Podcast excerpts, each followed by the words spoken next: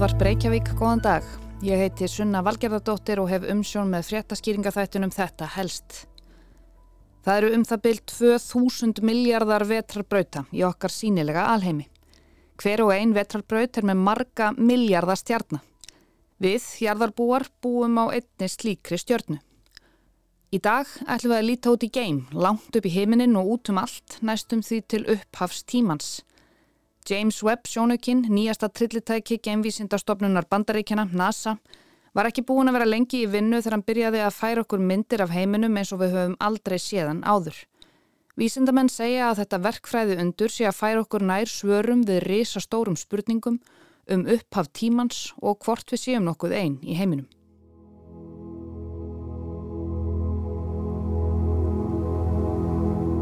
Óskiljanlega gamlar vetrarbrautir langt, langt í burtu leggjast yfir flaugjelsmjúkan heiminin eins og demantar eða einhvers konar gerfeglingur. Fyrstu myndirnar sem við fengum að sjá úr James Webb sjónækonum litu svo litið út eins og verk eftir fremur óreindan en afar viljugan grafískan hönnuð sem væri að reyna að koma sér á kortið. Stjórnukortið, jáfnvel. En þær eru sannarlega raunverulegar. Þetta eru myndir af æfa fornum stjórnum að fæðast og deyja Þetta er hluti alheimsins sem var okkur áður hulinn. James Webb sjónaukinn er nýjasti, stærsti og dýrasti kíkirinn sem NASA á og sem til er í heiminum svo framarlega sem við vitum að minnstakosti.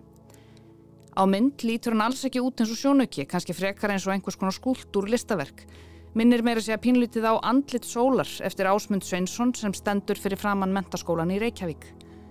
Einhver tólkaði sjónaukan sem hinn að lagskiptu veröld sem sér langt inn í framtíð og fortíð ángistar mannsins frammið fyrir óvissu tilverunar.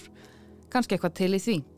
En þetta er heljarinnar apparat á stærði tennisvöll og vegur um 6,5 tonn.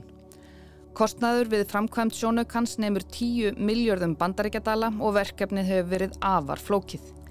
Í grein á íslenska stjórnumfræðivefnum um sjónaukan stendur að hann hafi fengið þetta nafn árið 2002 til heiðurs James Edward Webb sem var forstöðumöður NASA frá 1961 til 1968 í árdaga Game Cup-hlupsins. Hann getur tekið mun stærri, nákvæmari og betri myndir en forveri hans Hubble sjónaukinn. Strax árið 1989, ári áður en Hubble var sendur út í Game, fór fólk að huga að arftakanum sem sér innrött ljós en Hubble sér aðalega sínilegt ljós, það sama ljós og ég og þú sjáum. Með því að ná innrauðu ljósi getur Webb séð mjög fjarlæg fyrirbæri. Allra fjarlægastu fyrirbæri alheims senda frá sér sínilegt ljós sem breytist í innraut ljós á leiðinni til okkar. Svo ég reyni að skýra þetta aðeins betur. Þegar ljós ferðast í geimnum tognar á bylgjuleng ljósindana. Ljós sem lagði af stað í ferð sína sem blátt ljós verður sífælt rauðara eftir því sem það ferðast lengra. Þetta er vegna þess að alheimurinn er að þennjast út, segja vísindamenn. Sjónauki sem á að skoða þessa tegundljós verður að vera úti í geimnum vegna þess að lofthjúpur jarðar hleypir inn rauða ljósinu ekki í gegnum sig. Vonandi skýriði þetta eitthvað. En núna, tæpum 30 árum síðar er James Webb sjónaukinn orðin að veruleika og farin að sinna skildum sínum. Hann er samstarfsverkefni NASA, Gemvísindastofnunar Evrópu og Gemvísindastofnunar Kanada. Hún var skotið á loft við mikill húlum hæ þann 25. desember í fyrra frá frönsku Guayana. Og það var hægt að fylgjast með í beitni útsendingu einnar og halvrar miljónar kílometra ferðalægi kíkisins til áfangastæðarins sem var kallað L2 Svo staðsetning þýðir að sjónukinn verður alltaf í 1,5 miljón kílometrum fjær sólu en jörðin en vegna aðdráttarafls sólar og jarðar á þessum punkti fylgir sjónukinn braut jörðu um sólina. Þetta ferðalag tók hann um 30 daga og hann komst á áfangastað 24. janúar á brautum sólu í 1,5 miljóna kílometra fjarlægð frá jörðu. Hann kerði eldflugarheflana sína þar í fimm mínútur til þess að komast á nákvæmlega réttan stað þannig að hann snýri nákvæmlega rétt svo að næstum því hálfur alheimurinn blasi við honum allan sólarhingin, allan ársins ring. Hvað sem það svo þýðir, hvernig það er hægt og hvað nærri hálfur alheimurinn sé einhvern veginn stór verður látið ógert að útskýra hér. Webb, velkomin heim, sagði Bill Nelson, forstjóri NASA þá. Mannkinnið er núna einu skrefi nær því að afhjúpa hérna ímsu leindardóma alheimsins og það voru orða sönnu hjá Nelson. Fyrsta ljósmyndin úr web var byrt núna 11. júli við hátíðlega aðtöfni kvítahúsinu. Ljósmyndin sem flest, ef ekki öll, sem hafa opnað internetið eitthvað á síðustu vikum hafa séð, sínir ógrinni af stjörnuþokum rosalega, rosalega langt í burtu frá jörðu eða til að vera nákvæm í alltaf 4,6 miljardar ljósára fjarlægð. 1,5 miljón kílometra í burtu. Every image is a new discovery and each will give humanity a view of the universe that we've never seen before. This image, as we're looking at it, what we're seeing is not just all the galaxies, but there's a cluster here. And, you know, it's really, there's so much detail here. We're seeing these galaxies in a way that we've never been able to see before. This stunning vista of the cosmic cliffs of the Carina Nebula reveals new details about this vast stellar nursery. First of all, of hundreds of new stars that we've never seen before. We see examples of bubbles and cavities and jets that are being blown out by these newborn stars. Við erum að horfa meira en 13 miljardar ára aftur í tíman, saði Nelson. Hver mynd er ný uppgötvun sem veitir mannkininu áður óþekta sína á alheiminn. Jane Rigby, stjarnæðlisfræðingur hjá NASA og einn aðalsbrautan í verkefninu, saði myndina ekki einungis sín okkur allar vetrarbrauturnar eða stjörnuþókurnar, heldur þyrpingar af þeim. Og þetta er svo uppfyllt af smáatriðum, þetta er svo skýrt. Við höfum aldrei fengið að sjá vetrarbrauturnar svona áður, sagði Rigby, eðlilega hilluð. Við heyrðum líka í Amber Strawn, samskiptasérfræðingi NASA, þar sem hún lísti mögnuðu landslægi Carina Nebula, Carina geimþokkunar, og sagði hún myndina afhjúpa nýjar upplýsingar um það hvernig stjörnur verða til. Við værim að sjá þarna hundruður nýra stjarnar í fyrsta sinn og sömulegðis væri við nú með nýjar upplýsingar um lífsferil þeirra, frá vöggu til gravar. These images are going to remind the world that America can do big things. And remind the American people, especially our children, that there's nothing beyond our capacity. Nothing beyond our capacity. Today represents an exciting new chapter in the exploration of our universe. This telescope is one of humanity's great engineering achievements. Þarna heyrðum við svo í fórseta og varafórseta bandaríkjana sem bæði nýttu auðvitað tækifæri til að berja landi sínu aðeins á brjóst og undirstrykka stórfengleika þess, eins og við var að búast svo sem. Joe Biden sagði myndirnar úr kíkinu mig eftir að minna alheimin á að Amerika getur gett stórkoslega hluti og minna amerísku þjóðina á, sérstaklega börnin, að það er ekkert sem þau get ekki gert. Kamala Harris varafórseti sagði þennan dag tákna mjög spennandi upphaf nýs kabla í könnun okkar á alheiminum Þessi sjónauki er einn af stórkostlegustu verkfræði undrum mannkynsins. Sigriður Kristjánsdóttir, formaður stjörnuskoðunarfélags Seltjarnanes, var beðin um að lýsa myndinni fyrir hlustandum morgunvaktarinnar á ráð seitt í síðustu viku. Við erum að horfa á pínu, pínu, pínu, pínu lítinn blett á himninum. Ef við myndum halda á sandkorni í útreittri hendi, þá er það stærðin á blettinum sem er verið að taka mynd af. Og við erum sérst að horfa á eh, vetrabröðir og þetta er eitt af því sem er, var svona, það helsta sem við vildum að við fengjum út úr James Webb sjónafanum. Það væri að sjá fjarlægastu vetrabrytir sem við getum séð. Þær eru bara nánast frá upphafi alheimsins. Þannig að á þessari mynd eru vetrabrytir sem eru bara frá eldstu vetrabrytir, bara eldsta sem er til í alheiminum og það er notast að við fengum smá hjálp frá alheiminum til að ná þessari mynd. Og það er í miðjun á myndinni er vetrabröð sem er aðeins nær okkur sem er gríðarlega massamikil. Og hún virkar svona eiginlega eins og linsa eða stælkunuglir þannig að hún beigir ljós frá vetrabröðin sem eru fyrir aftanana sem eru þá ennþá lengri burtu.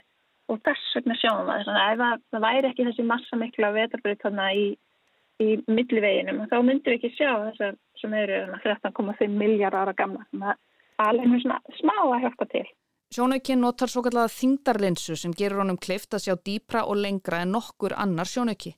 Það tóku web 12,5 klukkutíma að taka þessa mynd en það gæti tekið Hubble Games sjónaukan nokkrar vikur að taka ljósmynd svo við höldum áfram þeim ósangjarna samanbyrði. Það er til myndir á sama bletti, á sama sandkortni frá Hubble. Það er svolítið eins og að vera getur sett á sig gleru og það bara þetta samtkvæmt það er muni öruglega að koma hundruður vísindagreina út á þessu og það eru er einhverju sveittir doktorsnumar að reyna að, að reikna út hvað er að gerast í hverja einustu vetarbreytana svo það er, er bara upplýsingarna sem við höfum. Þetta er eiginlega ekki hægt að ná utan að ná Kári Helgason, stjarnæðlisfræðingur og fyrfirandi starfsmæður NASA, sagði við Rúf fyrir í mánuðinum að margar nýjar uppgötvanir í stjörnufræði séu í vændum á næstu árum og svör við stórum spurningum stjörnufræðinar séu í sjónmáli.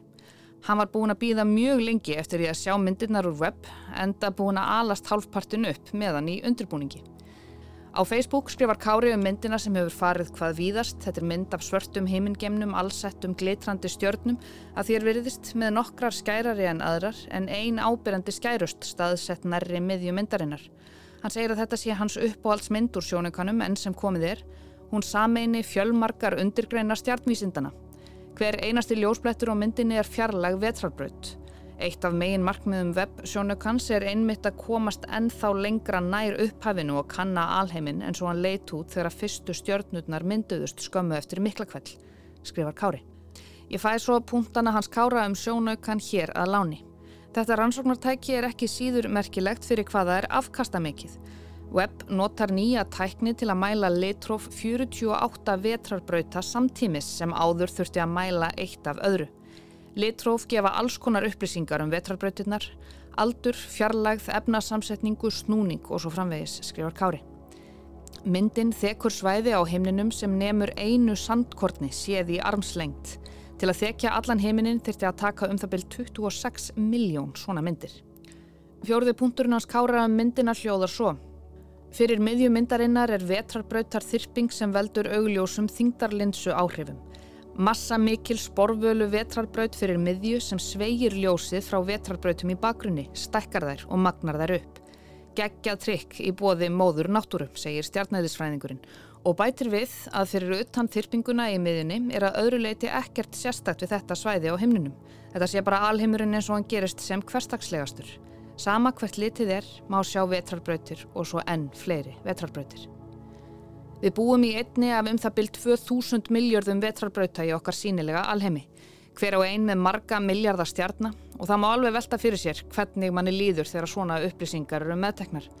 2000 miljardar vetrarbrauta, hver og ein með marga miljardar af stjörnum. Og þarna er bara átt við okkar sínilega alheim. Kári segir myndirnar bara forsmekkin af því sem koma skall. Nú munum vísindamenn ráðast á gögnin og tólka þau og þá munum við sjá nýjar uppgötfanir nánast í hverju mánuði eða í hverju viku. Fleiri myndir hafa svo borist. Einn er af ungri stjörnu í mótun, tekin af svæði sem er kallað NGC 3324 í Karína stjörnuþókunni. Myndin sínir ferli í myndun stjörnu sem áður var ómögulegt að ná á mynd. Á einni myndinni má sjá henn svo kallaða Stefáns Kvintet, klasa sem samanstendur af fimm vetrarbrautum. Ljósmyndin er svo stærsta sem gamesjónukun hefur tekið hingað til, rúmlega 150 miljón pixlar. Þessi mynd er eins og flestar aðrar með svartan grunn og hvita díla út um allt hver og einn samt svo risastór í aðli sínu. Í miðju myndarinnar eru þrýr stórir flekkir, hvítir, gildir og guðlir sem mynda þessar óskiljanlega stóru vetrarbrautir.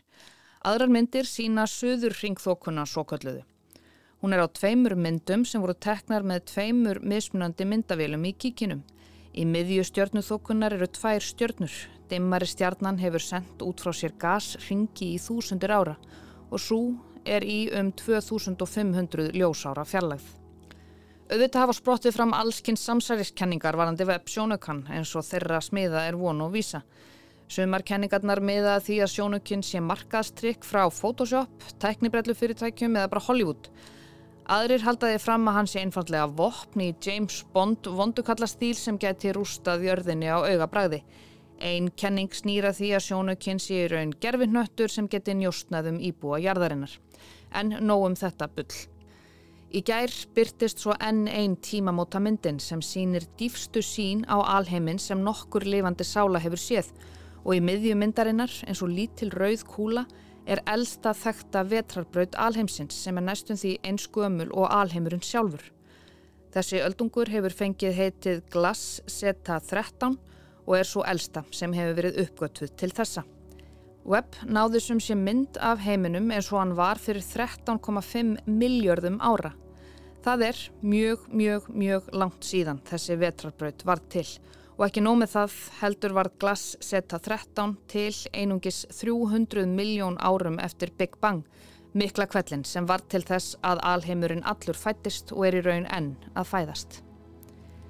Stjarnæðilisfræðingurinn Kári segir að með tilkomi web færust við nær svörum við reysastórum spurningum stjörnufræðinar eins og er líf á öðrum hnöttum, hvernig mynduðust fyrstu stjörnurnar og hvaðan komu fyrstu svartólinn.